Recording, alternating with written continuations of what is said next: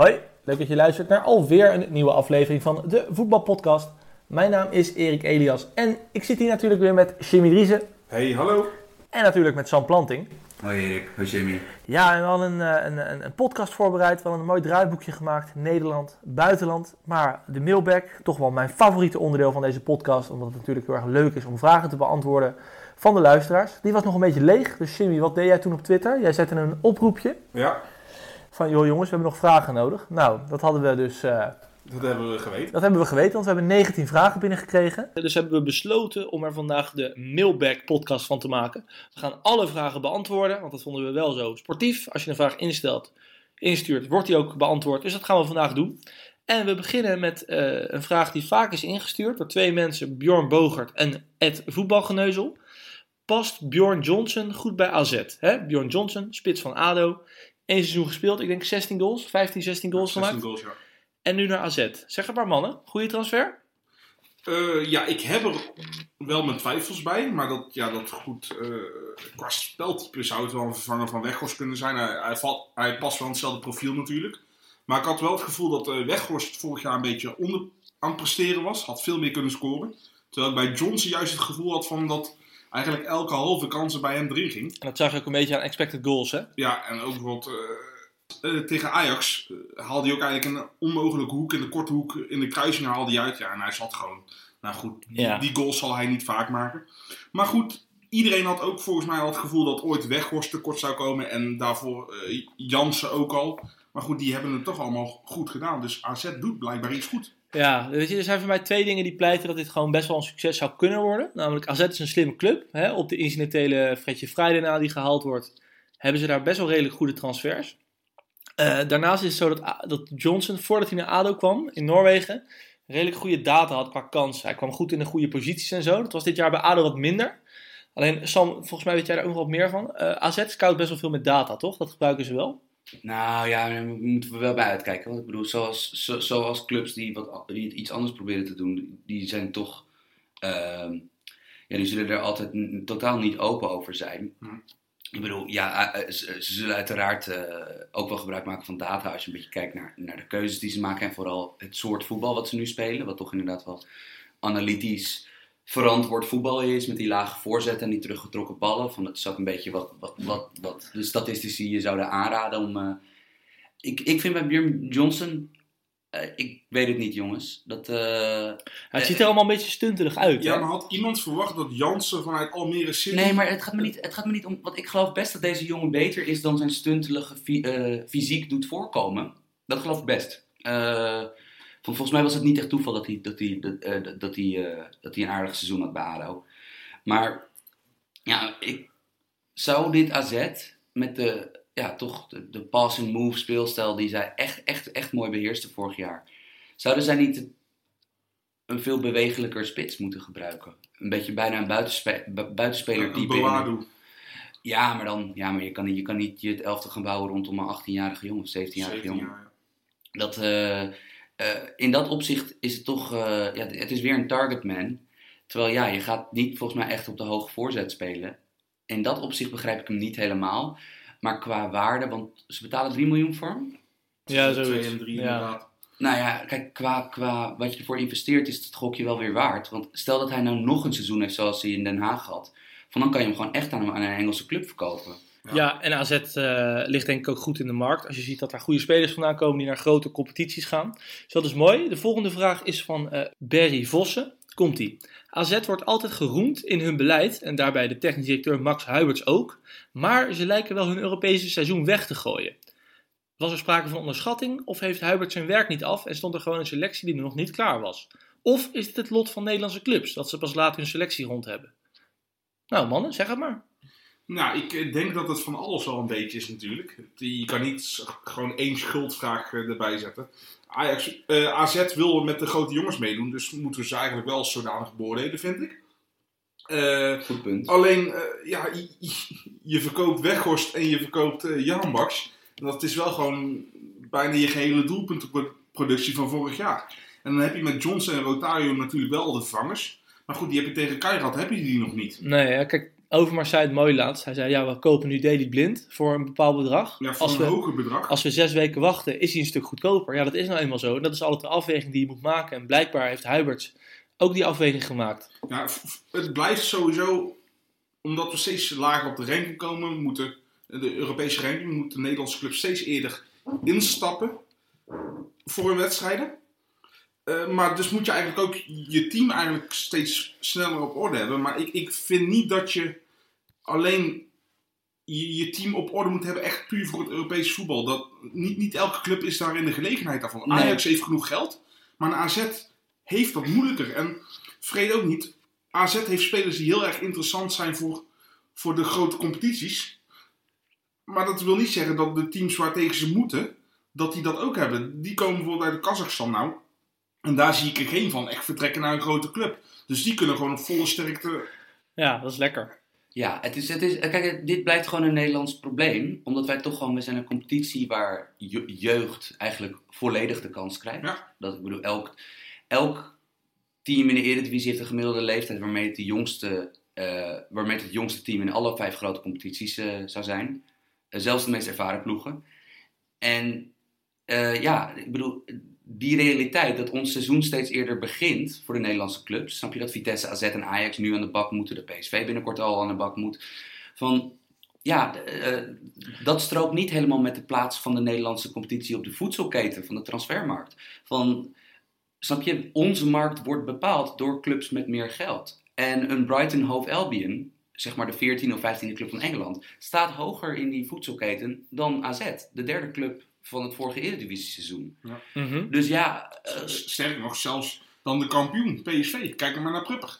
precies. En Locadia. Precies. Dus dat is precies. Dus dat is eh, in dat opzicht het is moeilijk om hier echt een oordeel af te, om hier echt een hard oor- oordeel af te vellen. Aan de andere kant is het natuurlijk niet best dat je een spits die duidelijk op de transfermarkt staat, met Fred Friday. Dat die moet spelen in deze wedstrijd.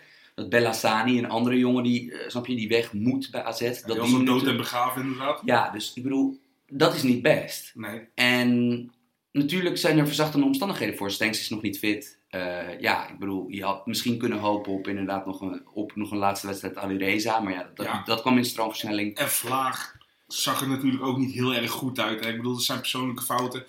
Ja, daar kan een trainer of een technisch directeur ook niet altijd iets aan doen natuurlijk. Ja. Nee, klopt. En eh, nog even als toevoeging. We zakken inderdaad af op die coëfficiëntenlijst. Dat is helemaal waar.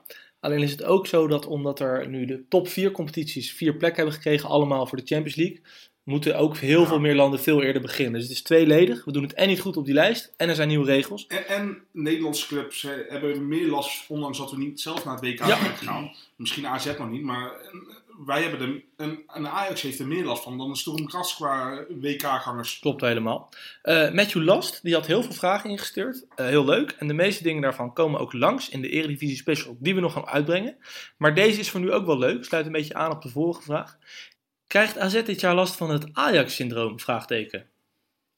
Nou ja, eh, verwachtingen zijn iets minder hoog in Alkmaar dan in Amsterdam. En daarnaast heb je wel gewoon, als je naar de verwachte basiself kijkt, of kijkt naar de 15 jongens die echt speeltijd zullen krijgen bij AZ, heb je in Svensson, Hatsidiakos, Ouwejan, Mietje, Koopmeiners, Til, Stenks, Idrissi en waarschijnlijk nog die twee aankopen. Jongens waarvan je verwacht dat ze nog groeien als spelers.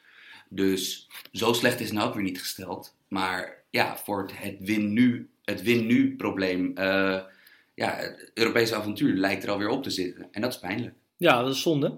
Eh, Jeffrey Neteson, ik hoop dat ik het goed uitspreek. Wat moet de nieuwe club van Frans Sol worden? Of moet hij juist bij Willem II blijven? Ja, dat in een van onze eerste podcasts hebben we dit ook al besproken. hè. Ik vind Frans Sol absoluut geen spits voor de top van de Eredivisie. Ik wil wel zien of het nou echt een eh, one-season wonder is of dat hij het langer kan laten zien. En eh, ja, ik weet niet, hebben jullie een mening over Ja, Frans Sol? Ik gun eigenlijk, of hij mag een lekker een clubheld bij Willem II worden, echt gewoon een legend. Dat, dat zou ik leuk vinden. Maar het- ik zou het helemaal niet verkeerd voor hem vinden als hij lekker gaat cashen in de zandbak of in de MLS of waar dan ook. Maar Frans Sol is toch geen spits voor de top 5 van Europa, jongens? Nee, lijkt me niet. Nou, maar kijk, we krijgen er wel vragen over binnen. Mensen denken dat misschien wel. Nou ja, je kan het proberen, je kan het proberen in, de, in het rechterrijtje van, eh, van Spanje. In La Liga, ja. Maar bijvoorbeeld als je kijkt naar NS Uno, die door Villarreal werd uitgehuurd aan Levante. Nou ja, en Enes Uno was gewoon echt een redelijk complete spits in Nederland. En die had ook al gewoon moeite in Spanje. Ja. En dus, ik bedoel, dit, dit is natuurlijk één, één enkel anekdotaal voorbeeld. Maar Het zegt wel wat. ja, nee, maar laten we Het, eerlijk het, zijn. het scheelt wel dat Fransol natuurlijk wel gewoon Spaans is. Die, dus die zal niet eh, hoeven te acclimatiseren Ja. qua land natuurlijk. Maar ik bedoel, kijk, Frans Sol, uitstekende eredivisie-spits. Maar is hij groot? Nee. Is hij snel? Nee. Is hij heel dynamisch? Heeft hij een explosie in de benen? Nee. Dus, en dan voor een jongen die dan is, snap je, aan de verkeerde kant, en in de verkeerde helft van 20 is voor, voor eh, door, doorgroeien op Ja. eh, oogpunt. Ja, dan snap ik ook wel dat Spaanse Ja. clubs uit La Liga niet echt se zitten, te- te- die niet Nee. deze jongen Maar als interessant... eh, Hij heeft wel heel erg gunfactor, weet je. We Ja, gunnen nee, hem alles. absoluut. En eh, wie weet hebben we ongelijk, maar we denken het niet. Volgende vraag. Wie gaat volgens jullie de topscorer worden in de eredivisie dit seizoen? Ja, dat vind ik echt nog veel te vroeg om, om te beantwoorden. Ja. Want ik, stel voor, ik zeg nou Lozano. En straks komt er echt, eh, komt AS Roma wel met, met die zak van 60 miljoen euro. Ja, precies. En wij Ja. denken nu van Bommel gaat een beetje op de voorzet spelen. Zou je zeggen Luc de Jong. En straks is eigenlijk zijn visie om heel veel steekpasen te geven op lopende middenvelders. Dus nee, ja. ik, eh, ik Ja, en- vind dat lastig. Het is lastig, maar ik zou wel durven, durven zeggen dat iedereen die bij, dit jaar bij Ajax in de spits staat, een hoop kansen krijgt. Of dat nou Dolberg of Huntelaar is. Ja, Eén van die twee. Maar dan komen we op Huntelaar komen we straks nog terug, maar dan moeten ze wel gaan afmaken. Ja, en ook bij Dolberg is het gewoon de vraag: kan hij nu wel fit blijven dit jaar? En daar lijkt het nu alweer niet op. Hm. En we, zitten, we zijn nog ineens in augustus. Eh, de twee topkandidaten zijn gewoon qua, qua. De twee topkandidaten zijn Dolberg. Maar ja, daar heb je dus de asterix bij dat hij minuten deelt met Huntelaar en een blessuregeschiedenis heeft. Luc de Jong. eh, met Dumfries en Angelino heb je aanvallender backs dan vorig jaar. Dus in dat opzicht eh, zou het heel goed kunnen dat PSV wat, nog wat vaker op de voorzet speelt. En dan is Luc de Jong natuurlijk gewoon een uitstekende kandidaat daarvoor. Eh, daar daarbij, bij Luc de Jong is een beetje het probleem. Is van, PSV heeft natuurlijk peperdure spits op de bank zitten in Maxi Romero. En die moet uiteindelijk ook gewoon minuten gaan krijgen. Dus eh, in dat opzicht kan je inderdaad eh, bij allebei een beetje je vraagteken zetten. Björn Johnson zou ik mijn geld niet op durven inzetten. Had jij vorig jaar aan het begin van het seizoen je geld op Ali Reza ingezet? Nou ja, in elk Als- geval, als eh, top- nee, ja, als als topscorer? niet, maar wel dat, dat hij goed zou zijn. Dat, Wel, maar, ja. maar meer ook het aantal assists zo. Maar ik, ik had nooit verwacht dat Ali Reza topscorer zou worden. Ja, en kijk, luister, Robin van Persie, als hij, laten we zeggen, Geloof ik niet in. Gaat te weinig spelen. nou ja, als hij 2000, als hij 2000 speelminuten kan maken, is hij ook gewoon een kandidaat. Oké. Excuus. Volgende vraag van Jeffrey. Daarnaast ben ik ook wel benieuwd wat jullie vinden van het trainersverloop in de eredivisie. Buis naar Groningen, Koster naar Willem II, Van der Gaag naar NAC. De vraag die hij stelt, wie gaat er verrassen er als eerste uit liggen? Ja, ik, ja, had ik maar een glazen bol, dan kon ik deze vraag Mhm. heel makkelijk beantwoorden. Ik vind Van de Graag naar NAC vond ik wel een Dat verrassing. vind ik ook heel leuk. Vind ik, vind ik wel leuk en dat eh, gun ik Daniel ook wel, eh, voetbalgeneuzel. En ja, ik heb ook al een keer eh, iets over Danny Buis gezegd over eh, FC Groningen. Van, ik, ik heb hem een keer tekeer zien gaan tegen een scheidsrechter. Dat wil niet zeggen dat hij dat altijd doet. Hm, En ik weet ook niks over zijn spelprincipes. Dus ik kan hem eigenlijk alleen maar ja, op, op één slecht ding. Ik weet het niet. Ik vind het ook altijd een beetje luguber om te gaan speculeren wie er allemaal ontslagen wordt. Daar hou ik niet heel erg van. Ehm, ik stel voor dat we dit gewoon lekker gaan bespreken tijdens het seizoen. We gaan het allemaal in de gaten houden en eh, deze trainers allemaal bespreken. Ja, Adrie Poldervaart bij Excelsior denk ik dat het goede is. Verliezen wel veel in de voorbereiding. Mm, Daar gaan we zo meteen, daar, over dat effect gaan we het zo meteen hebben. Maar Adrie Goed. Poldervaart bij, bij Excelsior kijk ik van naar uit. Eh, Koster bij Willem II eh, word ik niet echt eh, warm van. Okido. Volgende vraag is van Thomas Rijsman. Klaas van Huntelaar die heeft veel kansen gemist dit jaar. Hij zei zelf in het AD dat het niks met zijn leeftijd te maken heeft. Tegen Sturm Graz miste hij ook een paar grote kansen. En de vraag van Thomas is: gaat Klaas van Huntelaar komend seizoen minder kansen missen? Eh, ik hoop het wel, ik, ik verwacht het alleen niet. Eh, ik zit er een beetje tweeledig in. Hij zegt wel dat het niet door een leeftijd te maken heeft, maar als je ouder wordt is het logisch dat je fysiek minder bent. Eh, ik bedoel, iedereen wordt, Ja, naarmate die ouder wordt, wordt die slechter te benen en wat dan ook. En als je dan al, eigenlijk altijd van je fysiek niet, niet zozeer zijn kracht moet hebben, maar hij heeft een goed schot, goede sprongkracht met timing en kopballen. Dan is het logisch dat, dat je, als, je, als dat schot minder wordt, dat je dan meer kansen gaat missen. ja, Eh, maar ja, het kan ook zijn natuurlijk, ik, ik beoordeel hem vorig jaar Ajax en toen onderpresteerde hij. En het kan ook gewoon nog steeds met een factor ongeluk, geluk te maken hebben. Kan nog steeds, wil ik niet uitsluiten over één seizoen. Mhm. Maar ik denk dat het uiteindelijk een combinatie van beide is. Hij heeft vorig jaar wat pech gehad. Maar hij is ook echt niet meer die killer die hij in zijn eerste jaren was. Nee, en het gekke is van, als je het hebt over fysiek achteruit gaan, een schot, een, een technisch uitgevoerd schot, is niet iets wat per se slechter wordt als je, als je ouder wordt, weet je wel. Hij, was nooit, hij moest het nooit echt van zijn fysiek hebben. Ik bedoel, we hebben het net over Frans Sol gehad, maar Huntelaar is ook niet per se heel snel of heel sterk. Het was altijd gewoon een hele slimme spits, waarbij elke halve kans in ieder geval op goal ging. En, en ja, weet je, ik, ik bestrijd een beetje dat als je ouder wordt, dat, dat, je, dat je afwerken dan, dan minder goed zou worden. Kijk, het is wel zo, hij komt wel heel vaak in goede schotgelegenheid. Dat gaat dit jaar ook weer gebeuren. Dus ik sluit ook niet uit dat hij er opeens wel weer 20 of 25 maakt. Ja, want stel nou bijvoorbeeld dat, dat Dolberg niet fit raakt dit jaar. En dat Huntelaar gewoon eigenlijk 34 wedstrijden lang eerste keuze is. Ja, gaat niet gaat zo, ik denk niet dat hij dat sowieso gaat doen. Nee, ik denk dat hij dat fysiek niet aan Maar laten we zeggen dat hij dan 25 of Ja. 26 wedstrijden in baas staat. Dan, maakt hij, dan is hij opeens de topkandidaat om eh topscorer te worden in Nederland. Want Ja, omdat hij bedoel- heel veel kans gaat ja, krijgen. hij krijgt, maar hij krijgt, ja, gaat krijgen of krijgt. Hè? Want kijk, het is natuurlijk wel gewoon een kwaliteit van een speler om die kansen te krijgen. Ehm, Ja, maar hij creëert ze nooit zelf, hè. Nou ja, dat, nou, waarom niet? Want ik bedoel, Hij hij is Hij is toch ook heel erg afhankelijk van zijn aanvoer. Ehm, nou ja, je moet ook op, zelf op de juiste plekken staan. Je, je Hij moet- loopt wel slim, ja, maar je ik ben moet wel met Jim eens. Je moet zelf op de juiste momenten voorstoppen weten af te schudden in de 16. Van, eh, mijn probleem met Huntelaar is meer alle andere aspecten van zijn spel. Is dat toch... Ja, je- maar het ging over echt- scoren. Ja, het maar ging je- over echt scoren. Ja, eh, nou ja, in dat geval, ik, ik, ik, eh, er is genoeg statistisch bewijs om, van, snap je, als iemand gewoon kansen krijgt. Dat, Dat ze op een gegeven moment wel een keer in gaan Ja, maar sowieso, het laatste jaar bij Schalke en Ja. dit jaar bij Ajax is het echt wel een, een downward spiral. geworden andere Huntelaar. kansen Ja, Ja, creëren en missen. ja. Dus Ah, het lastig, is ook gewoon, ouderdom maakt spitsen ook gewoon slechter. ja, maar toch niet het afwerken? Het heeft er ook mee te maken. Nou ja, hier komen we niet echt uit, merk ik al. Dit is gewoon echt zo'n zo, zo, eh, lastige vraag, blijkbaar. En eh, ja, een mysterie waar we niet het antwoord op weten, maar waar ook niet echt een panklaar antwoord op is. Nee, absoluut. Dus, tweeledig verhaal. Ehm, twee mensen hadden dezelfde vraag ingestuurd. Ed Philippe en Richard NL82.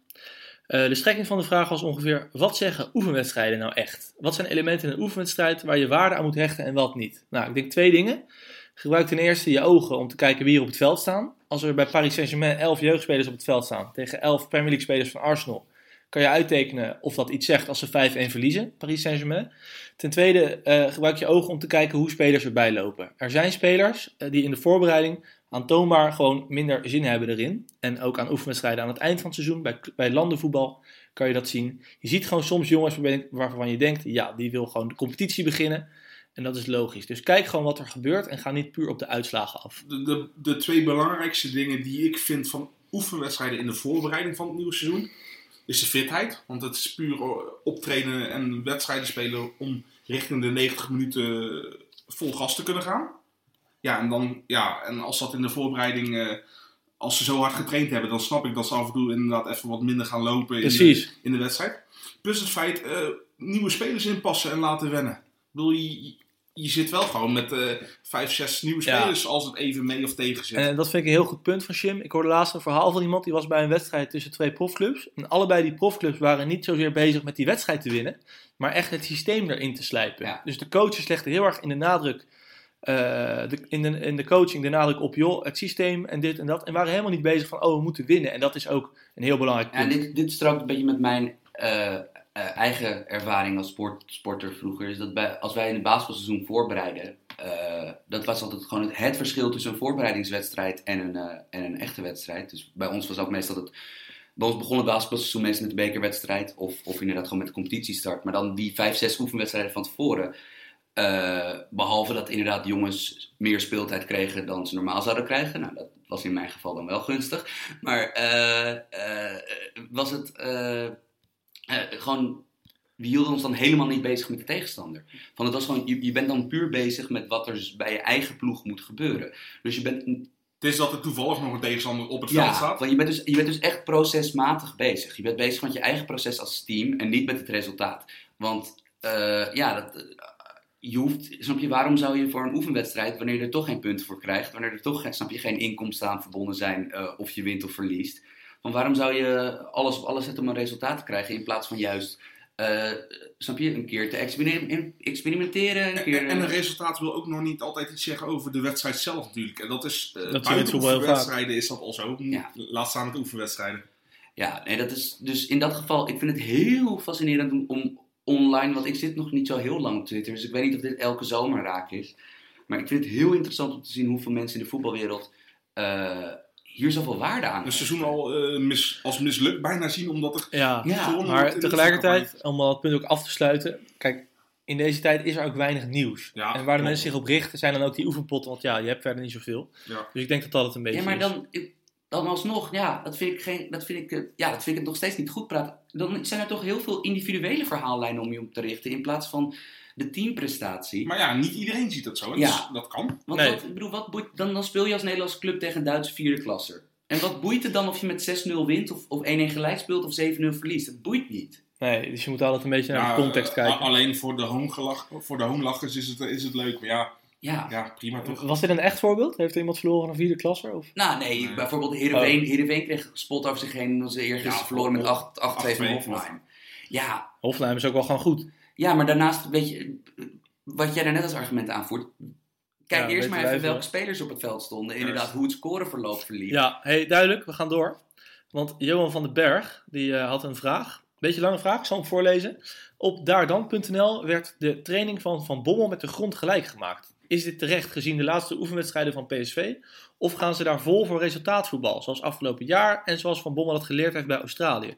Hoeft niet mooi zijn als er maar niet verloren wordt. Nou, even om over dat laatste te beginnen. Ik kan me voorstellen dat als je de selectie van Australië op het WK ziet en de selectie van PSV in de Eredivisie, dat je dan ander voetbal gaat spelen. Dat lijkt me heel logisch. Dus ik denk dat Van Bommel heel goed daar met Van Mark heeft gedacht. Het gaat om het resultaat en dat hij in Nederland best wat dominanter gaat spelen. Ik, weet, ik denk niet dat ik dan iets heel gek zeg, toch? Nee, maar ook, ik bedoel, het hele, het hele voorbereidingsverhaal gaat hier toch ook gewoon op. Van als Van Bommel bijvoorbeeld daadwerkelijk van plan is iets anders met PSV te spelen dan Cocu, dan kost dat even tijd. Ja. Van, en beoordeel dan, laten we na de Johan Cruijffschaal en na, snap je, dat eh, PSV een paar keer in de Champions League heeft gespeeld, een paar competitiewedstrijden heeft gespeeld, wanneer we eh, wat een sample size hebben om te onderzoeken voor het EGI. Van laten we dan even voor het eerst kijken van wat Van Bommel van plan is en hoe Ja. hij dat implementeert. Maar dat je iemand af gaat maken op, op, basis van voorbereiding is gewoon is veel te thirsty. Echt, echt Ja. te thirsty. Ben ik het helemaal mee eens. Waar ik nog wel heel erg eh, nieuwsgierig naar ben, is eh, Van Bommel zegt heel veel prima dingen voor de bühne. En dat kan zijn gewoon puur voor de praatjes. Het kan ook zijn dat hij dat echt gaat implementeren. Maar dan breekt hij wel echt gewoon met de stijl van, van Marwijk zelf. Want Mhm. het zal Ja. waarschijnlijk Ja, goed wel een, punt. Ja. een 4-2-3-1 beginformatie zijn. Maar uiteindelijk zegt hij zelf, ja, de, invulling is niet belangrijk eh, als er maar overal ergens iemand staat. Nee, ik ben ook echt heel benieuwd naar de Johan Cruijffschaal. Dus dat wordt eh, leuk. Wat verwachten jullie daar een beetje van, de Johan Cruijffschaal zaterdag? Ik, ik denk nog steeds dat, dat, eh, dat ze dit als, ondanks dat het een, een prijs is natuurlijk, je wil hem winnen. Maar ik denk dat dit nog steeds gewoon bij de voorbereiding van beide teams Ja, maar dat Wie- strookt wie niet echt met wie- hoe Van Bommel zegt altijd van ja, je moet alles willen Wie winnen en ontbreken zo. bij PSV? Geen idee. Want bijvoorbeeld, kijk, als PSV gewoon echt op volle sterkte aantreedt, eh, ja, dan is er minder veranderd bij PSV dan bij Feyenoord. Nou, die verdediging is wel heel erg vernieuwd. Nee, die, oh ja, oké. die- nee, sorry. Inderdaad. Ja. nee, sorry. Drie van de vier verdedigers zijn nieuw. Maar eh, alsnog, dat bijvoorbeeld al, bijna al je sterspelers zijn hetzelfde minus van Ginkel. Ja, Eh, ja, maar met Rosario is daar nog niet de, de goede Nee. oplossing voor. Ik bedoel, een, Ja. een, leuke speler, maar te veel van hetzelfde wat PSV al heeft. Maar bijvoorbeeld, ik vind het, Feyenoord heeft gewoon een heel nieuw middenveld. Ja. Ja. eh, Met Klaas en Ayoub. eh, Klaasje en Ayoub. ja, Ja. En, en, en nou ja, ik, ik, eh, ik, ben, ik ben benieuwd. Ik, eh, ik vind de afgelopen jaren die Johan Cruijffschalen eh, wedstrijden verrassend eh, vermakelijk. Want wat, er, was, er was ook een periode dat de oefenvibe wel heel sterk was bij Ja. deze En potjes. ik denk dat het nou ook scheelt dat, eh, dat het in het stadion van de, van de landskampioen wordt gespeeld natuurlijk. Ja, dat Dus vind, dan ik, vind ik een goede aanpassing. Ja, Als het ja. in Amsterdam was geweest, eh, ongezellige bedoeling. Vorig Ja, jaar was het leuk hoor, met, eh, met die VAR-penalty en zo. Ja, Of juist niet. Maar goed, het was in ieder geval leuk. Ja, Ehm, volgende vraag is van de Twitter-user altijd feit. Eh, ja, we hadden het natuurlijk over Feyenoord. Eh, welke versterkingen zien jullie nog graag bij Feyenoord, vraagt hij. Ja, ik denk zelf dat ze toch nog wel een buitenspeler kunnen gebruiken. Ook al hebben ze natuurlijk Sinestra al gehaald. Maar op de linkerkant, eh ja, die is natuurlijk uit de selectie gezet. eh, ja, had ook geen goed seizoen bij Feyenoord. Eh Larsson valt heel erg tegen. Had ik eigenlijk heel hoge verwachtingen van. Maar eh, daar word ik terecht over Vind ik afgemaakt. echt een momentenvoetballer puur Ja. sang. Misschien is het meer puur omdat ik het inderdaad een leuke voetballer Ja. vond om te zien. Maar ja, die doet het ook gewoon niet goed. Ik denk dat, dat op linksbuiten dat het nog best wel eh, een versterking hier nodig is. Ja, nou, ze hebben een nieuwe gozer. Is dat voor de linker of de rechterkant? Sinisterra heet Ja, volgens mij is hij voornamelijk voor de rechtse kant. Oké. Ja, je bent supertalent Bilal uh, eh, Ja, ben ook verloren. Ja, mooi man. Ik heb als ik Gio, of als ik Feyenoord zie, ik vind Feyenoord echt met afstand de saaiste topploeg van Nederland. Dus ik zit altijd een beetje te hopen dat ze Gio eruit gooien. Maar dat kan niet, want hij heeft vier prijzen gewonnen. Wat zou het mooi zijn trouwens als gewoon Robin van Persie speler coach wordt. Ja, dat zou vet zijn. Als assistent of zo. Maar Ik, ik weet niet man. Ja, Ik vind Feyenoord gewoon saai of zo. Ik Ja, wil maar dat van, wat... dat Van Persie er is en dat Klaasje ook weer terug is, vind ik toch wel leuk hoor. Ja, man. Ja, eh, Ze hebben het wel beter geselecteerd dan vorig jaar, denk ik. Ja, de selectie, gewoon twee vraagtekens. Van, kijk, wie wordt keeper van de drie? Moeten ze toch gewoon voor Bijlo gaan. Ik denk ook dat je die maar een keer een kans moet Want- geven. Of je moet een nieuwe Schijnt heel goed te zijn. Ja, dat, maar, maar, maar sowieso, Jones die heeft te veel krediet op basis van zijn kampioensjaar. Ja, Al was bij mij vorig jaar eigenlijk al geen eerste keeper meer. 100%. Vermeer, eh, ja, vind ik een goede keeper, maar is ook vaak geblesseerd. En heeft nou nog enige, ja, ik weet niet of hij nu alweer fit is. Volgens mij niet. Dan heeft hij geen verkoopwaarde, maar in principe kan je die nog verkopen. Want dan kan je Jones op de bank zetten en Bijlo in het eerste. ja. En eh, dat is, dus daar moeten ze, ik weet niet, ik denk dat je er niet nog een keeper in de mix Nee, moet gooien. Je moet heel veel uitvogelen wie je eerste keeper wordt. Ja, maar dat is ook een signaal naar Bijlo. Nou, als ze nou nog, nog een vierde keeper Ja. erbij nemen. En nou, de enige positie. Want kijk, Erik noemt het saai, maar het is gewoon een beetje hetzelfde. Van ja, ik bedoel, dat middenveld is dus nu vervangen. Maar, eh, en het is de vraag of Jurgensen blijft. Eh, en, zo, en zo ja, hij blijft. Wordt van pers. Wordt, volgens mij nog helemaal geen geruchten Nee. over hem. En, ja, Dus het is dan ook de vraag: van, ga, je, al bijna dicht qua wat ga je transfermarkt. met Van Persie achter Jurgensen spelen? Of ga je Van Persie vanaf de bank brengen? Of snap je dat je iets wisselt in de spits? We hebben nog altijd Toornstra, die vergeten, snap je? Altijd als Feyenoord wordt besproken, wordt die vergeten. Terwijl dat is natuurlijk gewoon een heel belangrijk speler. Eh, ze hebben nog steeds in mijn ogen een van de beste, zo niet beste individuele aanvaller in de Eredivisie in Berghuis. Berghuis. Ja. Die is goed, hè? Dus het is eigenlijk, als je die selectie nagaat, ze hebben superveel centrale verdedigers. Alleen rechtsback eh, klopt niet. Ja, ze hebben superveel centraal verdedigers, maar ja, Van Beek, die, Ja. die kan zo weggaan. Eh St. Joseph ben ik wel fan van, maar is ook niet altijd goed. Tapia vind ik goed. Ja, ja is meer een middenvelder natuurlijk. Mhm. Eh, en ja, en Bottegien en Van Heijden ben ik nooit fan van geweest. Maar ja, die waren wel in dat kampioensjaar waren Ja. die heel erg niet meer. Nee, Terwijl- klopt, maar, Dat is maar twee jaar geleden. dat, dat is één, één goed jaar geweest. Ja, maar St. Just op rechtsback word ik niet blij van. En, Nee. en Nieuwkoop heb ik. Ik bedoel, hij speelt wel oké, maar omdat je onge- onaantastbare eerste keuze moet zijn als rechtsback bij een topclub, dat weet ik niet. Dus, dus als ik nog een speler er zou halen, zou ik eerst de rechtsback halen. Want daar inderdaad op die plek van Sam Larsson, links voorin. Ja. Misschien is die Sinisterra wel heel goed. Oké. Toornstra kan daar ook Ja, spelen. rechtsbacks die zijn ook niet voor het oprapen. Nee, dat heb ik ook geleerd uit, eh, in deze podcast. Dus de mening van ons is de, een nieuwe rechtsback. Misschien iemand voor in het centrum. Misschien iemand voor op links. En een nieuwe trainer. Vooral die nieuwe trainer. Nee, hoeft niet per se. Maar dat zou leuk zijn. Volgende vraag. eh, Jasper Ter Haag. Welke middenvelder of wat voor type zou PSV nog moeten schuine streep kunnen halen indien Gutierrez niet komt? Nou. Sowieso een andere type speler als wat ze met Hendricks en Rosario al hebben Ja. natuurlijk. En eh, eh, het is eh, geen goed teken als eh, van, van je twee controlerende middenvelders als Hendricks je best passende speler is. Ja, dat is niet best. Nou vind ik Hendricks geen slecht speler, absoluut niet.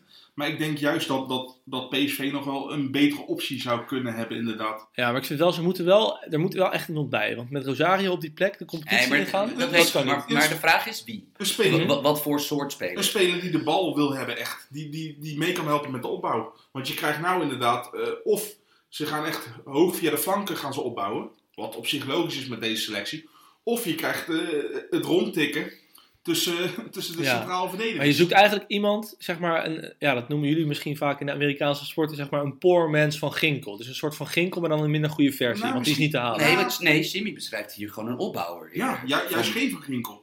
Nee, ik, ik, zou, ik zou eigenlijk ik weet niet of hij fysiek, ja goed, ik, ik ageer altijd tegen als iemand fysiek niet goed genoeg is. Maar misschien een, een type Dante Rigo, maar die misschien wel al iets verder is. En daarom Ja. is het zonde dat hij vorig jaar zo weinig speelt. Ik weet niet of Van Bommel dat aandurft met echt zo'n Ik voetballer. ga de andere kant op, jongens. Ik zou gewoon wel willen zien wat er gebeurt als een eh, eh, topclub in de Eredivisie gewoon 4-2-3-1 speelt met twee echte brekers voor de verdediging. Dus dat je gewoon nog een type Hendricks ernaast zet. Dus dan wordt niet Feyenoord de saaiste ploeg van de toppers, maar PSV. Kijk, kijk, luister. Iedereen in Nederland speelt de balbezit. Ja. Iedereen speelt nog altijd die, die fucking 4-3-3. en- Volgend jaar wordt het al wel iets minder, hè? Ja, oké, het wordt iets minder, maar alsnog. Laten we eerst zien dan geloven. Want ik bedoel, eh, de eentonigheid van de Nederlandse competitie is echt tamelijk onvoorstelbaar voor een buitenstaander. En eh, ik wil gewoon wel zien van, kijk, PSV heeft vorig jaar gewoon een makkelijke titel gepakt.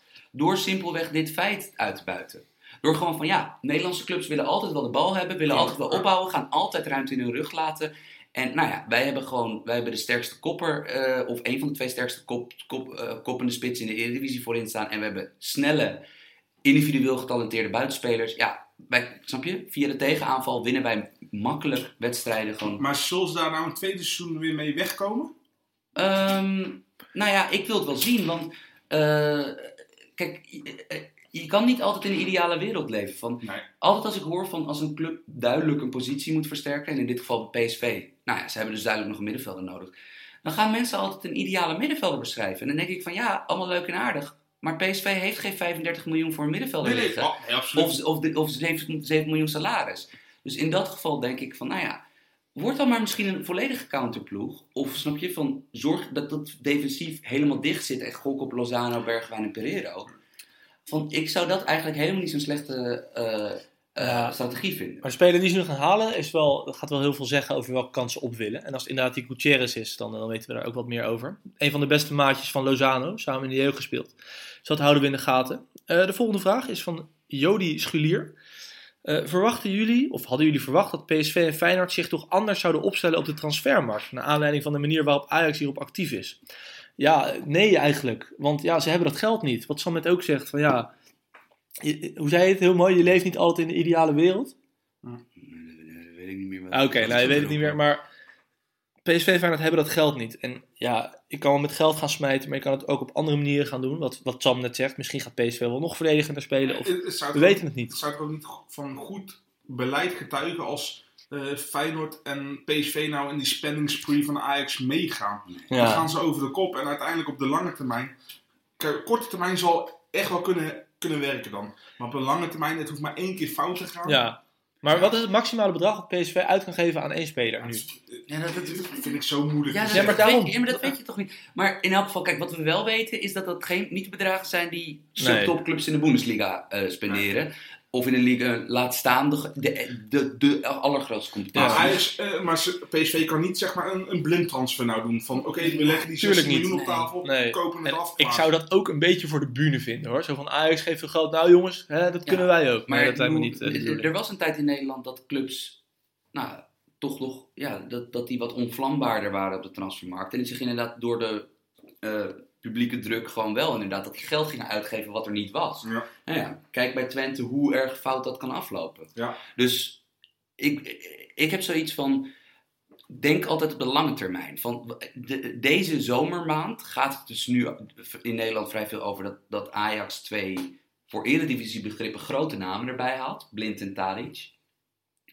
Maar ja, wie weet, snap je, wie weet hoe de situatie daar over een jaar, half jaar voor staat. Je, je weet van, je moet niet, eh, snap je, met, met, de 20, met bedragen die 20 of 30 procent van je begroting uitmaken, daar moet je niet mee gaan smijten, simpelweg omdat het een erekwestie is. Of omdat je het nieuws van de maand wil zijn. en, en PSV heeft natuurlijk wel laten zien eh langere tijd dat ze in- innovatief kunnen zijn met, met eh, spelers halen of wat dan ook, met constructies. Dus, Ja, maar ook, en waarom zou PSV zich onder druk gezet voelen? Ze hebben drie van de laatste vier landstitels gewonnen. ja, Daarom. ja, maar dat is echt puur ook naar resultaat kijken. Nou, Ja. Hè? En om af te sluiten, van, eh, ze hebben daar een heel nieuwe, een nieuwe TD, een nieuwe trainer. Dus is het misschien ook heel raar om meteen al heel veel geld uit te geven. Wanneer je samen nog even bepalen wat nou precies de koers is. Eh, dat waren de vragen over Nederland. Gaan we even naar de vragen over het buitenland. Want ja, eh, vriend van de show, Ed Voetbalgeneuzel had nog een paar hele leuke vragen.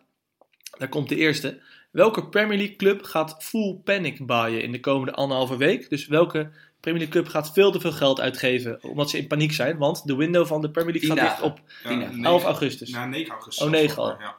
Nou jongens, zeg het maar. Welke club? Nou, op stip bij mij staat nummer 1 staat Everton. Die, die hebben sowieso echt al een puinselectie, dus daar moet al heel veel gebeuren. Eh, is eh, van, van buiten de top 6 is het een beetje de grootste club ook. En ja, ze zijn nou al bezig met Richarlison, die ze voor heel veel geld hebben gehaald. Eh er zat natuurlijk ook wel een beetje onkostenvergoeding van de oude trainer eh, Silva van Watford in. Ja. Eh, maar ze gaan nou eh, de naam die ik hoor, Digne, Rocco, Jeremina. Digne, Digne en Richarlison zijn dus al binnen. Ja, is Digne al officieel? Eh, volgens mij. Volgens Ja. mij ook wel. Ja, volgens mij gisteravond. Maar eh, dat vi- vind ik niet echt namen dat ik denk van, nou, Nou, kijk, luister. Dat, Ja. Ik vind tot nu toe. eh, vandaag circuleerde er een naam dat ik dacht van. Oh ja, vandaag circuleerde op internet Cherisev. Ik hoop maar dat dat verzonnen is door een van die Liverpoolse eh, regiokranten. Want dat zou natuurlijk een bizar, bizarre WK-transfer zijn. Ja, ik ben het niet zo oneens met de drie jongens die ze tot nu toe eh, lijken te halen. Want Mina. Ik bedoel, er is een reden dat Barcelona hem uit Colombia op. eh, ja, maar die wordt ophaalt. ook gewoon puur op. We zitten eerst clubs af te branden dat ze een WK-transfer maken. Jeremina is dan toch ook gewoon een WK-transfer? Nou ja, het ligt er een beetje. Kijk, ik ben benieuwd naar wat de prijs is voor die jongen. Of Barcelona veel meer wil dan, dan, dan ze een half jaar geleden voor hem betaalden. Tuurlijk. Eh, juist, juist door dat WK zal die echt ja. wel een stuk duurder zijn. Maar in elk geval, het is zoveel goede centrale verdedigers van 22 zijn er niet. Eh, en als hij enigszins comfortabel aan de bal wordt, heb je iets. Digne is natuurlijk wel gewoon een jonge linksback die kan voetballen. Hij is toch al niet meer zo jong, man. Nou, hij is ook niet oud. En zoveel heb je er daarvan niet. Van, eh, zoals, we al zo vaak hier in die, zoals ik zo, zo vaak hier in die podcast heb gezegd. Er zijn niet heel erg veel goede rechts- en linksbacks. Nee, nee, klopt. Dus Maar, maar ik vind hem wel echt zo'n... zo'n eh, ik ben bijna een LinkedIn-voetballer. Hij heeft een prachtig cv, heeft hij. Maar hij heeft- hij Saint-Germain, AS Roma en Barcelona. Heeft hij, heeft hij op zijn cv ja, maar ik vind hem wel, als hij daar speelde bij die clubs, Ja. vind ik hem prima. Ja, maar dat is grote Alsja. Hij speelde bijna nooit. Ja, oké, maar ik bedoel, eh, en ook in Frans elftal heb ik hem best wel een paar keer aardig zien spelen. En Richarlison, ja, hij is natuurlijk zoveel duurder dan hij vorige zomer was. Maar hij heeft natuurlijk wel gewoon echt laten zien bij Watford van, dit is een van de grootste, grotere aanvalstalenten van Ja, het een, een half jaar. Ja, een half jaar was hij ook echt dramatisch slecht. Hij nee, in 2018, nee, hij, maakte, hij maakte zijn kansen niet af. in 2018 nog geen goal of assist gehad. Ja, oké, maar zijn onderliggende cijfers waren prima. En ik heb hem vaak zien spelen, omdat ik... Ik vind hem nog steeds wat... eh, ik bedoel, het is een goede speler, maar ik vind hem niet... eh, hij gaat niet het gat overbruggen richting de top toe Nou, maar, voor maar, Everton. maar in elk geval, kijk, Everton zit heel veel geld uit te geven. Maar ik vind deze drie jongens, vind ik wel aanwijsbaar hoopgevender spelers dan wat ze vorig jaar haalden. ja, maar voor- dat, dat is op zich ook niet zo moeilijk. Vorig jaar Ja, mocht Koeman het technische beleid Je, maken. je haalt Sigurdsson, Klaassen en Rooney in één transferperiode voor, voor, voor miljoenen bij elkaar voor één positie. Ja, dat Ja. sloeg nergens op. Dat sloeg echt nergens op. M- mijn pick voor de eh, big spender is toch gewoon United. Mourinho zit alweer heerlijk te morren. Eh, United heeft natuurlijk gewoon, eigenlijk gewoon nog altijd het meeste geld. En ik geloof er niks van dat zij in een transferperiode, transferperiode alleen Fred en een eh, centrale verdediger halen. Ik, ik denk dat ze nog wat rare dingen gaan doen. Namen. Namen? Ja, Maguire zijn ze ermee bezig volgens mij. Ja, het wordt ofwel Maguire ofwel Alderwereld. Eh maar ik denk dat ze dus achter de schermen dat ze nog met aanvallers bezig zijn. Perisic zou ik bijvoorbeeld dan bedenken. Dat vind ik wel een Mourinho-speler. Ja, eh, ik zou die transfer wel toejuichen. Alleen ja, die had je, had je vorig, vorig jaar eigenlijk al moeten halen. Ja, als je door het precies. WK nog een stuk duurder geworden. Daarom. Eh, Tottenham is ook heel stil tot nu toe. Die hebben nog Ja, weinig binnen. Die hebben, nog helemaal niks binnen. die hebben nee, nog helemaal niks inderdaad. Die, die doen gewoon, hebben goed beleid, hebben goede spelers opgeleid en, eh, en gekocht. Maar af en toe ook, hè, Vincent Janssen, Sissoko, dat je denkt van, nou, dus ik weet niet. Lucas Moura. Misschien Lucas Moura inderdaad, die ze van PSG hebben gehaald. Dus misschien komt daar ook nog wel wat raars binnenlopen de Ze, komende tijd. ze waren heel lang in de markt voor Tanguy Ndombele van, ehm, Lyon. van Lyon. Ja. En dat is inderdaad, nou, als je één voetballer moet aanwijzen die een beetje dezelfde kwaliteit heeft als Dembele, die natuurlijk nu weg is. Is het Dembele? is hij, Is nog niet weg, toch? is hij nog niet naar China? Nee. Nog steeds niet? Nee? En de Chinese transfermarkt is ook dicht. Oh, de, oh ik, dacht dat, ik dacht dat die al gewoon rond was. Oh, maar in dat geval, ja, want ze waren dus voor hem in de markt. Maar dus als Dembele inderdaad niet, niet, nu die niet weg is, lijkt deze jongen te duur. Want Ja, en, je, en, Lyon- je, en je hebt een Wanyama ook nog steeds nog natuurlijk. Nee, maar, dat, ja, maar Wanyama is, is Dyer's backup. Hè? Van, dat, dat is de andere... Ja. andere Ja, meer- meer de break. Ah, ik heb wel eens het middenveld Wanyama Dyer gezien, daar word je niet vrolijk van. Maar ik vind, ja, wat, wat Tottenham doet, hun grootste winst voor deze transferperiode, is dat Kane, Son, Ellie en Eriksen vooralsnog allemaal gewoon nog op... eh ja, en bij- volgens mij de meeste gewoon ook een contractverlenging hebben gedaan. Ja, precies. Dus En- dat, eh, ze zijn lekker bezig daar. Dus ik begrijp niet helemaal waarom zij de big spenders zouden zijn, Erik. Nou ja, gewoon voor plekken die onderbezet zijn. Noem Zoals noem eh, linksback, Davies. Ze hebben achter Wings, dat is dan de backup als Danny voetballende Rose. middenveld. Ja, Danny Rose. Danny Rose, ja, dat is een enorm blessuregevoelige speler geworden. Maar het schijnt dat, ook nog inderdaad, dat Everton ook nog belangstelling voor Danny Rose had. Ja. Dus dat zegt eigenlijk ook al genoeg over, eh, over Danny Rose en Tottenham, hoe ze erin staan. Ja, precies. Daarnaast Alderweireld gaat misschien weg. Ja. Hè, Vertongen en Sanchez. Ze hebben daarachter nog... eh, Voigt. Ja, precies. Dus, eh, wie weet. Ja, eh, uiteindelijk, weet je wat het is? Welke Premier League club gaat full panic buyen? Ze Ja. kunnen het allemaal zijn, want Ja, ze hebben zat geld. En, en de transfer deadline is een stuk eerder. Ja, nou genoeg over die vraag. De volgende vraag. In welke maand gaat Mourinho ontslagen worden? Ja, weet je? Ik weet het niet. Als je Mourinho haalt als club, weet je een paar dingen. Hij gaat niet met eigen jeugd spelen. Hij gaat verdedigend voetbal spelen. En je gaat waarschijnlijk heel veel punten halen. En ja, dat zien we nu ook terug. En hij is een beetje aan het morren en een beetje aan het zeiken. Ik weet niet wat er intern aan de hand is. Ik weet niet zeker of ze hem gaan ontslaan hoor. Nou ja, ik, eh, het, is, eh, het is nu 31 juli. Het wordt eh, binnenkort augustus. Ik hoop dat hij in augustus lekker de zak krijgt. Ik ben er helemaal klaar mee. Ja, ik ben er ook klaar mee. Gewoon Maar los, het gaat niet gebeuren. los van het voetbal wat hij laat zien met zijn ploeg. En daarnaast gewoon, ik vind het gewoon een redelijk vervelende man. Maar ik weet niet of ze hem gaan ontslaan. Ik weet niet of ze daar de bals voor Dan hebben. had je hem voor het seizoen al moeten ontslaan. Dan had je zoektocht naar een nieuwe trainer in je voorbereiding kunnen hebben. Juist. Nou schiet het niet meer op. Hoe eh, zie jij dat, Sam? December. December, ja? Ja, dus de Champions League groepenfase voorbij. Wordt het heel druk in de Engelse competitie. Kan hij wel kerst gaan vieren? Ja, nee, want ik zie dit niet goed eindigen. Eh, simpelweg omdat hij heeft gewoon niet, eh, hij heeft niet de spelers die hij had eh, in, zijn, in, in zijn periodes bij Chelsea. en Ja, dat benadrukt hij ook wel de hele tijd. Hè? Ja, maar ja, terwijl, ik bedoel, hij was er zelf bij hoor. Dat al die jongens werden gehaald. Ja, en het is ook niet zo dat hij het, het beste uit, zijn, uit de spelers die wel aanwijsbaar heel erg goed zijn haalt. Van, ik bedoel, nog altijd, het is nog altijd niet helemaal duidelijk wat de rol van Pogba is. Ik, ik ben, ik ben echt Mourinho moe, man. Ja. Echt, Ja. echt. Ja, bij mij is het een beetje, bij mij is het gebroken. Want kijk, ik heb altijd een soort van begrudging respect voor deze man gehad. Van dat ik met tegenzin hem eigenlijk heel erg respecteerde. Ehm, omdat ik hem gewoon, ja, wat hij doet, doet hij wel goed. Maar en ik vind trucje, ook, is, trucje is toch al lang uitgewerkt, man. Eh, ja, maar ik vind vooral, ik begrijp gewoon niet helemaal welke kant hij op wil met United. En dat is bij mij eigenlijk gebroken toen hij Alexis Sanchez haalde. Dat ik dacht van, ja, dat is zo'n Ja, korte termijn op oplossing. Terwijl, snap je, je hebt met Rashford en Martial je jongens die 10, 12 jaar lang echt goed zullen zijn. Van, ja, wat wil je nou? Wat wil je nou? Dat was wel een beetje een breekpunt, hè? Ja, Ja. Volgende vraag. Wat is nou echt een transfer die volgens jullie moet gebeuren? Maar dan wel een beetje reëel. Dat vraagt nog steeds eh, voetbalgeneuzel. Nou, ik eh, heb er eentje die eigenlijk al eh, ja, op het punt van eh, gebeuren staat. A- Arias naar een grote competitie. Ja, dat zou leuk zijn inderdaad. We zitten net te zeggen van ja, de rechtsbacks zijn schaars en alles en zo. eh. ik, ik heb wel even voor de luisteraars, Arias staat op het punt naar naar Atletico Madrid gaan. maar ik had eigenlijk Napoli had ik een betere fit gevonden. Ja, ik ook voor, wel. Als aanvallende back inderdaad. En, en sowieso, de, ze- hij zal bij beide zal die concurrentie hebben natuurlijk. Alleen ja, Juan Fran, die heeft natuurlijk wel een status daar ook. Ik heb één, Ja. ik heb één hoopgevend eh, detail, eh, eh, zijpunt voor je. Voor je dat eh, Simeone, ja, heel, natuurlijk heel rigide tactiek bij Atletico, die 4-4-2 van we weten allemaal ongeveer hoe, hoe die te werk gaat. Maar het schijnt dus dat hij naar 5-3-2 wil overstappen. Kijk, En dan is Arias opeens natuurlijk dat je denkt van, hé, hey, dat is wel heel interessant. Want eh, Arias als wingback in een 3-5-2 of 5-3-2, hoe je het wil noemen. Ik ben er wel benieuwd naar, want ik vond hem bij PSV, met al die aanvallende verantwoordelijkheden vorig jaar in balbezit, vond ik hem echt uitstekend. maar ja goed, als een Verjalco het ook al niet redt bij Atletico. Ja, want dat is ook een goede back. Waarom gaat hij weg? Verzalco. Ja? Omdat hij eh, in Italië eh, het heel erg naar zijn zin had. Ja. Heeft er lang gespeeld. En eh, ik neem aan dat eh, Inter, hoe die nu met geld aan het gooien zijn, dat die niet slecht betalen. Maar goed, als Atletico hem had echt willen houden, had het wel gekund, toch?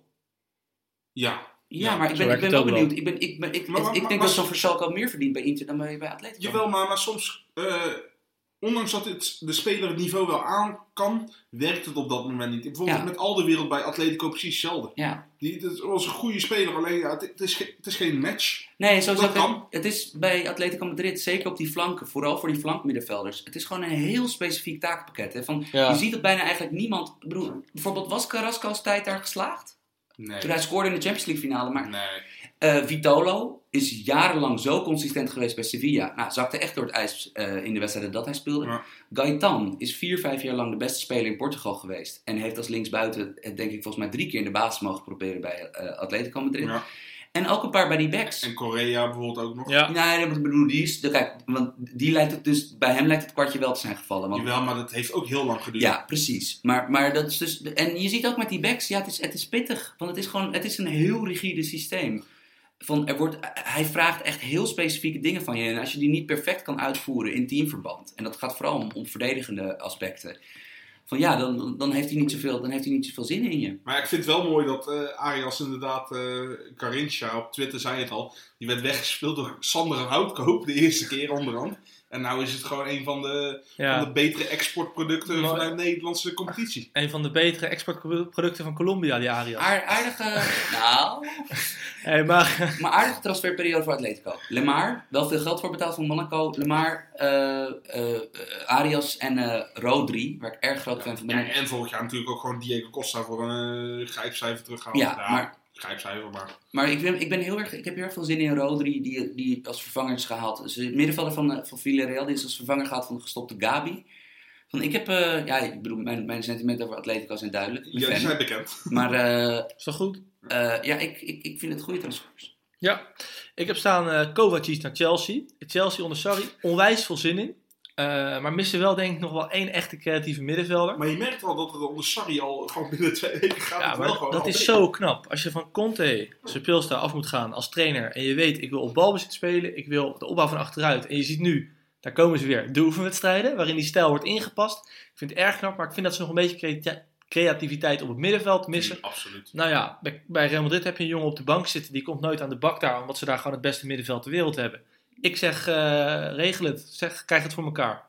Eh, ik ga voor een eh, Chelsea middenvelder die een Golo Kanté naar Paris Saint-Germain zou de meest... dan verpest je mijn middenveld. Ik Ja. had het middenveld Kanté, eh Jorginho, eh Kovacic en en dan zet jij gewoon nog drinkwater. eh, Natuurlijk, Ja. jij hebt Danny Drinkwater. Laat je mij en met Danny Drinkwater dat achter. klaag je. Daar kan je toch de Champions League mee winnen. Dat... eh, Nee, dat vind ik niet chill dit. Paris Saint-Germain moet natuurlijk, kijk, die moeten meedoen om de grootste prijs, om de Champions League. En vorig jaar was dat middenveld, eh, ja, het was toch een probleem. Van dat, dat, dat, eh, in de omschakeling, bij de, van omschakelingen van tegenstanders, gewoon Paris was nog altijd kwetsbaar voor counters. En eh Verratti en Rabiot zijn natuurlijk geweldige passers allebei. Ja, Thiago Motta is natuurlijk ook wel al zijn twaalfde leven bezig. Nee, die is gestopt volgens mij. Is hij zelfs ja, en, gestopt, en hij, wil ja. ook, hij is volgens mij nu al bezig om, tra- om trainer te worden. Een heel intelligent speler. Ehm, het schijnt dat hij, deze, of dat hij vorige week een eh, eh, gesprek met, in Parijs heeft afgezegd. Dat hij gewoon wil blijven bij Chelsea.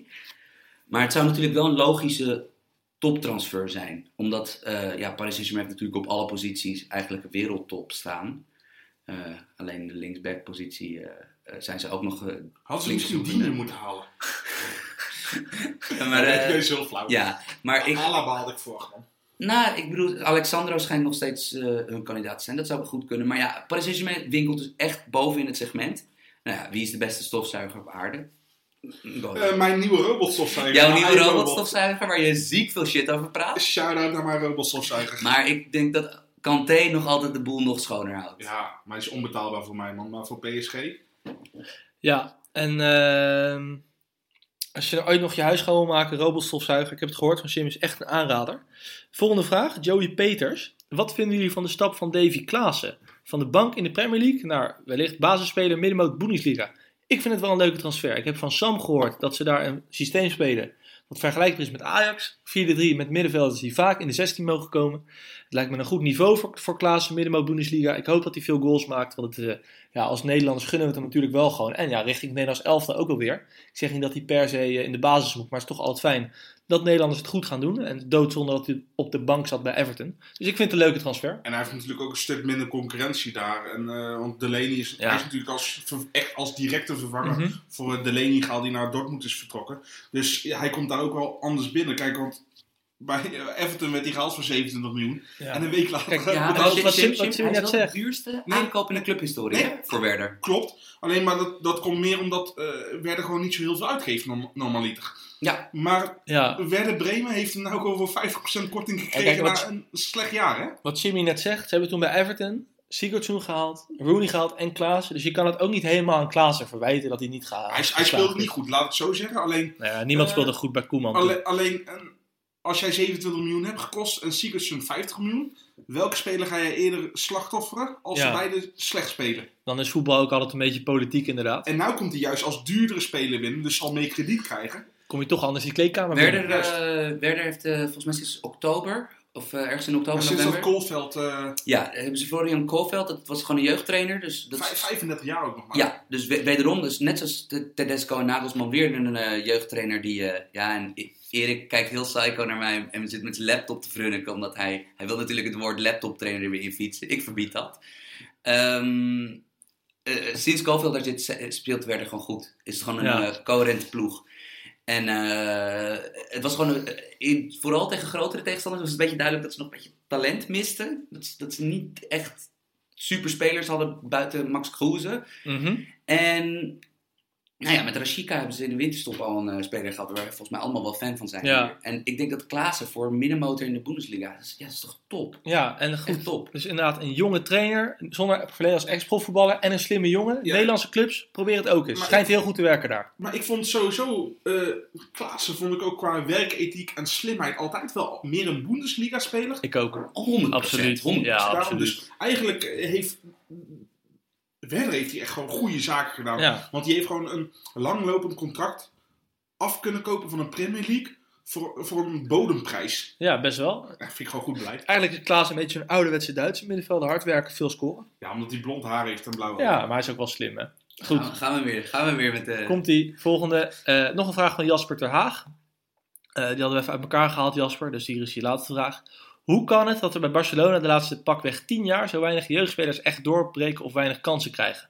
Deze zomer zijn er ook weer meerdere jeugdspelers die hun hel bij andere topclubs zoeken. Weet je wat het is? Messi en Busquets verbloemen zoveel. En Piqué. daar... En Piqué toch ook. Ja, ja, Piqué ook. Maar, maar voornamelijk Busquets en Messi vind ik nog wel even een treetje hoger staan dan op de kasten. Eh, ze halen gewoon nog steeds resultaten, zelfs met slecht voetbal. Ja, Eh, eh, ja. ja. Maar ik vind, ik vind wel, we hebben als referentiekader misschien ook wel het mooie Barcelona met, met, met een topfitte Messi, met, met een geweldige Busquets, Xavi en Iniesta.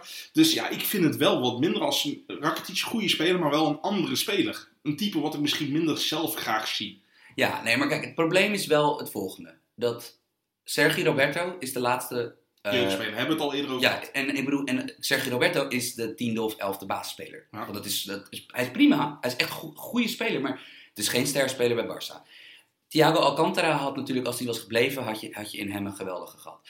Het is wel problematisch dat er in die, in die acht jaar sindsdien, want dit zijn jongens van 27 allebei, volgens mij, of Maar, 26. maar zijn er, even van de zijweggetjes, zijn er spelers die niet zijn doorgebroken bij Barcelona, dus die weg zijn, zijn die wel elders doorgebroken? Precies, Want want een bijvoorbeeld- Iniesta bijvoorbeeld is er ook helemaal niks geworden. Ja, en El Haddadi is prima voor een middenmotorclub in, in, in Spanje. Waarschijnlijk zelfs iets te goed.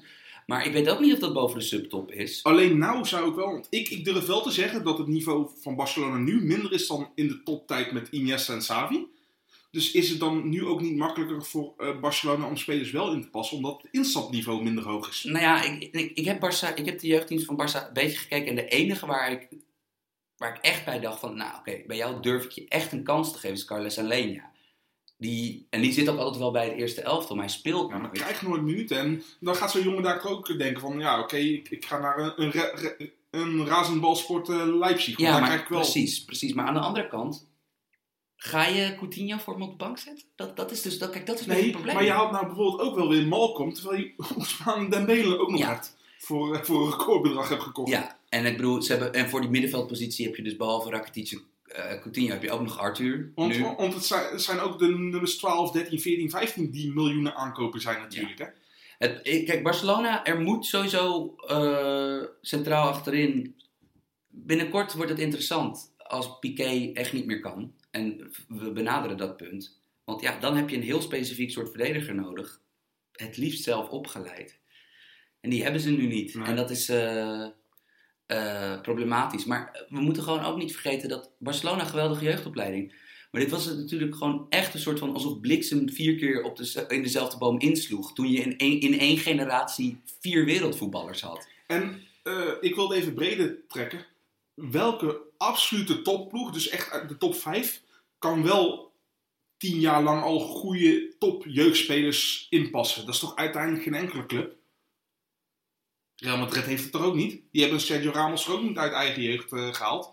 Ja, PSG heeft een hoop jongens uit de regio van Parijs, maar inderdaad niet allemaal uit de eigen opleiding. Ja, dus je hebt gelijk, Maar heel ook, goed punt. eh, precies, is, ik zat ook aan PSG te denken, maar dat is Ja. ook... Het dat niveau Kim- is gewoon dat te hoog. Pembe en Rabiot alleen maar. Het eh, Areola ook, maar het niveau is gewoon dermate hoog. Ja, dat maar je, Areola gaat niet spelen. Met Nee, eh. Buffon nou. Nou, weten we nog niet, maar dat gaan we zien. Maar het niveau wat ze moeten halen als top 5 club is dermate hoog dat je het niet meer in het jeugd kan doen bijna. Dus dat Ja. is eh, een lastige paradox voor die Ik club. denk dat we elkaar daar wel een beetje in het midden kunnen vinden. Nee, precies. Dus, dus in dat geval... Nee, en daarnaast van... Om nogmaals mijn punt te herhalen.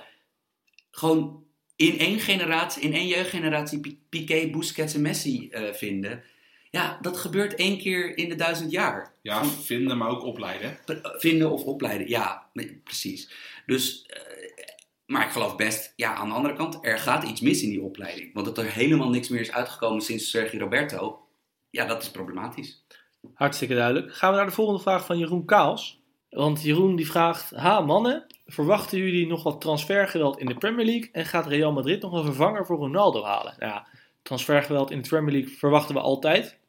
Hebben we het net ook nog even over gehad. Dus ja, zeker weten verwachten we dat. Eh, gaat Real Madrid nog een vervanger voor Ronaldo halen? Sam, wat denk jij? Ja, dat lijkt mij wel. Ehm, ik heb even gewoon voor de duidelijkheid, eh, ik heb even gekeken naar, naar welke spelers zouden nou echt in aanmerking komen dat Real er tenminste zou overwegen. En die, die lijst is klein. Want bijvoorbeeld, snap je, de Griezmanns en Messi's van deze wereld, ja, snap je, die, die zitten al vast bij een club. Die zitten goed. Dus nou, als je kijkt naar, naar wat je hebt. Ehm Neymar, moeilijk verhaal. Toch? Dat lijkt Zeker mij weten. een moeilijk verhaal. Lewandowski. Ja, dat, dat zou dus betekenen dat je... Dat zou geen directe vervanger van Ronaldo zijn. Want Lewandowski en Benzema in één voorhoede, dat kan denk ik niet. Maar ja, Lewandowski. eh Dybala. Het is, eh, je zou dan inderdaad... Nou ja, dan, dan effen je het speelveld met, eh, met Juventus internationaal gezien wel weer een beetje uit. Dat, dat, dat, dat, dat zou dan een van de realistische en meest nuttige zijn. Harry Kane. Zou je dat aandurven, Erik? Bij Real? Ja? Ik Nee, vind ik een beetje raar eigenlijk. Ja, nou ja, dus daar, daar, daar gaan we al. Die, die- de lijst wordt korter en korter. Mohamed Salah lijkt onbetaalbaar. Eh Sadio Mane schijnen ze voor in de, mar- in de markt te zijn. is wel anders dan Ronaldo. Ja, iedereen is anders dan Ronaldo, behalve Messi. Maar toch wel een ander niveau ook dan Hazard, denk ik. En ook dan Neymar. En noem allemaal die jongens op die je net ook hebt opgenoemd. Ja, dan heb je een speler waar ze wel al vaak in de markt voor schijn- schijnen te zijn geweest, maar die ook inderdaad eerder dan een concurrent van Benzema zou worden dan een opvolger van Ronaldo. Icardi. Ja, dat is een heel ander niveau, man. Dat moeten ze allemaal niet gaan doen. Nee, dus, dus het, is, het, het is moeilijk. Nou ja, Sané en Sterling, die ga je niet krijgen. Bobby Firmino eh, lijkt mij ook niet. En dan kom, je al, dan kom je al bij het segment spelers waarvan je denkt van ja, voor Real Madrid. Van bijvoorbeeld Ivan Perisic, dat zou kunnen. Ja, maar het moet er gewoon Hazard worden eigenlijk, als je het allemaal zo achter elkaar zet. Ja, of Fekir. Fekir, Nabil Fekir. Nee, man, die moet het nog laten zien bij een echte, echte grote club. Maar wat zou je bijvoorbeeld, als je een beetje out of the box denkt, dan zouden Saïdo Mane en Jungmin Son zouden bijvoorbeeld... Nee, man. Son zijn. sowieso niet. En Sadio Mane, het zou kunnen. Maar waarom zouden ze... Ja, ik blijf het zeggen. Maar Hazard is toch gewoon de meest logische kandidaat. Ja, maar dat ligt gewoon aan of hij betaalbaar is. Van of hij te halen is. heeft een hoop geld en ze hebben een hoop financiële ruimte. Ja, ik denk eerlijk gezegd dat, dat Hazard gewoon blijft bij Chelsea. Stel ze willen 200 miljoen uitgeven en eh 20 miljoen jaar salaris, kan dat gewoon. Ja, maar ga jij... Is Hazard, durf jij het aan om hem de best betaalde voetballer ter wereld te maken? Want dat zou, dan, dat zou moeten gebeuren. Nee, Messi verdient 100 miljoen en Ronaldo verdient 30 of zo. Ja. Dus ik, eh, ik zou dat aandurven, ja. Ik denk dat hij de beste en op een vervanger is voor Ronaldo. Punt. Alleen, je zit, met, je zit met die doelpuntenproductie. Weet Ja, je- Neymar is ook een goede inderdaad. Maar die krijg je niet weg bij PSG. Dat lukt gewoon niet. Dan moet je echt, echt met geld gaan smijten. Dat kan gewoon niet. Dus Ik zou het op Hazard houden, persoonlijk. Ja, nou ja, in, in elk geval, Asensio, je kan ook een tijdje het gewoon zo proberen. Dat Asensio gewoon uh, een, een, plekje doorschuift in de, in, de, in de hiërarchie. Wie gaat dan de goals maken? Precies, dat is dan de vraag. Want ik bedoel, ik geloof niet dat de grootste club op aarde uh, zich helemaal afhankelijk gaat laten van Gareth Bale. Dat is ook een beetje de, de, de ma bij Hazard. Die heeft nooit meer dan 30 goals gemaakt in alle competities bij elkaar in één seizoen bij een club. Ja, maar dat is ook niet het type speler die die is. Daarom, dus dat moet, wordt gewoon ander voetbal. Ja, ik, ik denk sowieso dat, dat het, het, zal, het zal Spaanser worden, het voetbal. Simpelweg doordat Lopetegui gewoon een juega de position trainer is. Ja, hij houdt van positiespel inderdaad. Dus uh, in dat geval, maar ik denk wel dat er nog iets moet gebeuren. Ik denk dat, uh, ik denk dat Neymar, Neym, in de ideale wereld haal je Neymar of Hazard. Ik denk dat die Balla haalbaarder is. Ja. Of Mané. Hoe groot schat jij de kans dat ze niemand halen als vervanger? Klein. Heel klein, hè? Heel klein. Ja. Ik bedoel, dat, dat zou toch te mager zijn. Als je startende voorhoede Bale, Benzema, Asensio is, nou, dat zou ik eigenlijk alleen met Asensio kunnen leven. Ja. En, en dat terwijl ik een Benzema-fan ben. Maar ik bedoel, Benzema is een spits van 31. Ja, dat is ook echt een counterspits natuurlijk geworden door de jaren heen. Uh, de laatste vraag is van uh, RVB 1962. Hoe groot zal dit seizoen de invloed zijn van de val van Oranje? Welke trainers zijn met andere woorden volgens jullie ontvankelijk voor de adviezen van Pieter Zwart NL? Ja, ik neem aan uh, dat dit over de Eredivisie gaat. Dus wie gaat het boek van Pieter lezen in de Eredivisie en er wat mee doen? Uh, ik denk dat wat hier een beetje onder ligt, is dat uh, het feit is van Nederland liep ooit voor op het buitenland. Nu loopt het buitenland heel, heel, heel, heel erg ver voor op Nederland. En hoe we dat gat een beetje kleiner gaan maken. Uh, ik vind optimistisch door te denken dat trainers het boek van Pieter lezen en denken, hier moet ik wat mee. Ik hoop het. Ik hoop in bredere zin dat de Eredivisie wat meer trends uit het buitenland overneemt. Uh, of dat met het boek van Pieter gebeurt, dat weet ik niet. Dat gaan we zien. Uh, wat, wat je wel kan zeggen is dat er een hoop trainers zijn in Nederland nu die niet 4-3 gaan spelen met eindeloos balbezit achterin, maar dat het iets meer op het buitenland gaat lijken het komende seizoen als we een beetje naar de trainers kijken die nu zijn aangesteld. En ik weet dat Pieter wel goed gelezen wordt in het betaalde voetbal en dat, dat clubs, uh, als, ze had, als ze iets hadden willen veranderen, naar aanleiding van zijn stukken op Catenaccio en bij VI Pro, dat ze dat al een tijdje geleden hadden kunnen doen. Maar misschien een boek geeft weer een nieuwe aanleiding voor, ik weet niet. Wat denk jij, uh, Sam? Ja, ik bedoel, kijk, ik, ben bevriend met Pieter en ik, ik, vind, wat hij doet geweldig, dat, dat, dat allereerst. Maar ik denk ook van ja, als je dit boek nodig had om je, om je denkwijze te veranderen als trainer, ja, dat je dan wel heel late to the party bent. Als jij zelf nog niet doorhebt dat we in Nederland iets structureels verkeerd doen, uh, of gewoon achterlopen ondertussen. Ja. Die, als je die pijnlijke waarheid nog niet bes, beseft als, als iemand die echt midden in die wereld werkt, dan weet, niet, laat. dan weet ik Nee, maar dan weet ik niet of jij het type bent die dan door een boek uh, te lezen zich nog van gedachten gaat veranderen. Nee, en kijk, de vraag gaat natuurlijk een beetje over dat boek. Kijk, ik heb dat boek, ik heb vier hoofdstukken gelezen en ik ben er daarna niet meer in doorgegaan, want het was gewoon een soort uh, aan elkaar geschreven verzameling van al zijn artikelen. En ja, ik las al zijn artikelen van Pieter. Ik weet precies hoe hij over voetbal denkt. Fantastische nieuwe inzichten daardoor opgedaan door de jaren heen. En dat boek zal niet uh, heel veel dingen veranderen, denk ik. Het is gewoon een hele goede samenvatting van alles wat hij geschreven heeft door de jaren heen. En het is gewoon helemaal waar. Dus wat Sam ook zegt, als je nu nog door dit boek moet veranderen, ben je er een beetje laat mee. Kijk, ik denk dat Pieters impact, dat de, de, impact van het boek Val van Oranje is heel simpel. Ik denk dat Pieters zienswijze, door gewoon analytisch naar iets te kijken, en gewoon, ik vind dit gewoon een vorm van journalistiek. Van verdomd goede journalistiek. Van dat allereerst. En ik denk dat heel veel mensen die dit boek lezen, zal het een impact op hebben gehad. Van mensen die niet per se in die bubbel, in die internetbubbel zitten, waar zeg maar 90% van de voetbalpodcastluisteraars ook in vertoeft. Van, um, in dat opzicht denk ik dat heel veel mensen, uh, dat daar heel veel mensen een aha-moment zullen hebben van hey, van zo kan je inderdaad ook naar voetbal kijken. En het is inderdaad vreemd dat we dit en dit en dit niet doen. Dus in dat opzicht, ik denk dat die impact groot zal zijn. Um, zou leuk zijn. Ja, terwijl onthoud alsjeblieft dat voetbalclubs gewoon organisaties zijn met heel veel mensen.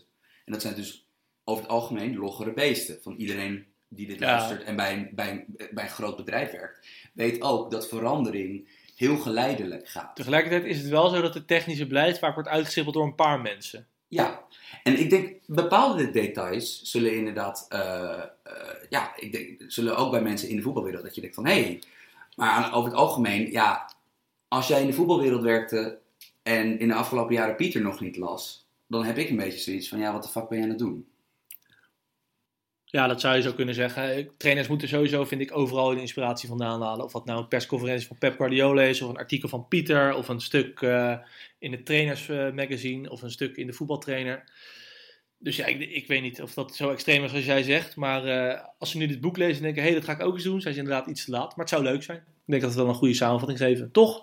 Ja, ik vind het in elk geval leuk om te zien dat het, zo, dat, dat het boek zo enthousiast wordt ontvangen. Want dat is uh, alles waar je op kan hopen, toch? Want het, dat, dat mensen het daadwerkelijk interessant vinden wat, wat je te melden hebt. Ja, hey, we zijn er doorheen. Dankjewel voor het luisteren. Uh, we moesten iets later beginnen, omdat er uh, in de buurt van waar we de podcast opnemen, waren er drie mensen bezig. Eentje met een cirkelzaag, eentje met een klauwhamer. En eentje met een schuurmachine. En eentje met een schuurmachine. Dus we begonnen een half uurtje later. die mensen waren allemaal zo vriendelijk om even te stoppen. Jimmy was daardoor het laatste deel van de podcast uh, niet meer aanwezig. De laatste twee vragen heb ik alleen met Sam gedaan. En uh, vandaar dat je hem niet meer hoorde. Niet dat je dacht, hé, hey, wat is die Jimmy opeens stil. Dankjewel voor het luisteren. Uh, vergeet niet om, als je daar even tijd voor hebt, vijf sterren op iTunes te geven. En een leuke geschreven recensie achter te laten. Mailback vragen kan natuurlijk insturen, maar niet zoveel als deze week, want dan worden we helemaal gek. En het lijkt erop dat wij... Ja, jij bent op vakantie volgende week. Ja, ik ben op vakantie. Dus ik denk dat wij eind volgende week ergens een eerder dat we beginnen met seizoenspreviews. Ja, hoe gaan jullie dat maandag oplossen eigenlijk? Wie gaat presenteren? Hoe, uh, hoe ga je dat doen? Ik ben uh, dit weekend in Duitsland, dus ik weet ook, dat moet ik even met Jimmy bespreken. Hoe, uh... Ik ben heel benieuwd. dat is wel een gat wat je achterlaat dan, hè? Ja, ja, Hoe ga je dat opvullen? Ja, dus we zijn allemaal heel veel in andere plekken in Europa. ik, ben, ik ben vijf dagjes weg, dus over twee weken ben ik er weer. En de mensen kunnen gewoon ons Twitter in de gaten houden voor bekendmakingen over wanneer die speciale voorbeschouwingen online komen. Want dat gaan we wel doen, toch? Dat gaan we doen. Oké, okay, mooi man. We lopen nu naar kijkers, dus we kunnen er nu niet meer onderuit boef. Luisteraars. Aan, aan de luisteraars, sorry. Ja, we gaan afsluiten. Dankjewel voor het luisteren. Doeg. Joe.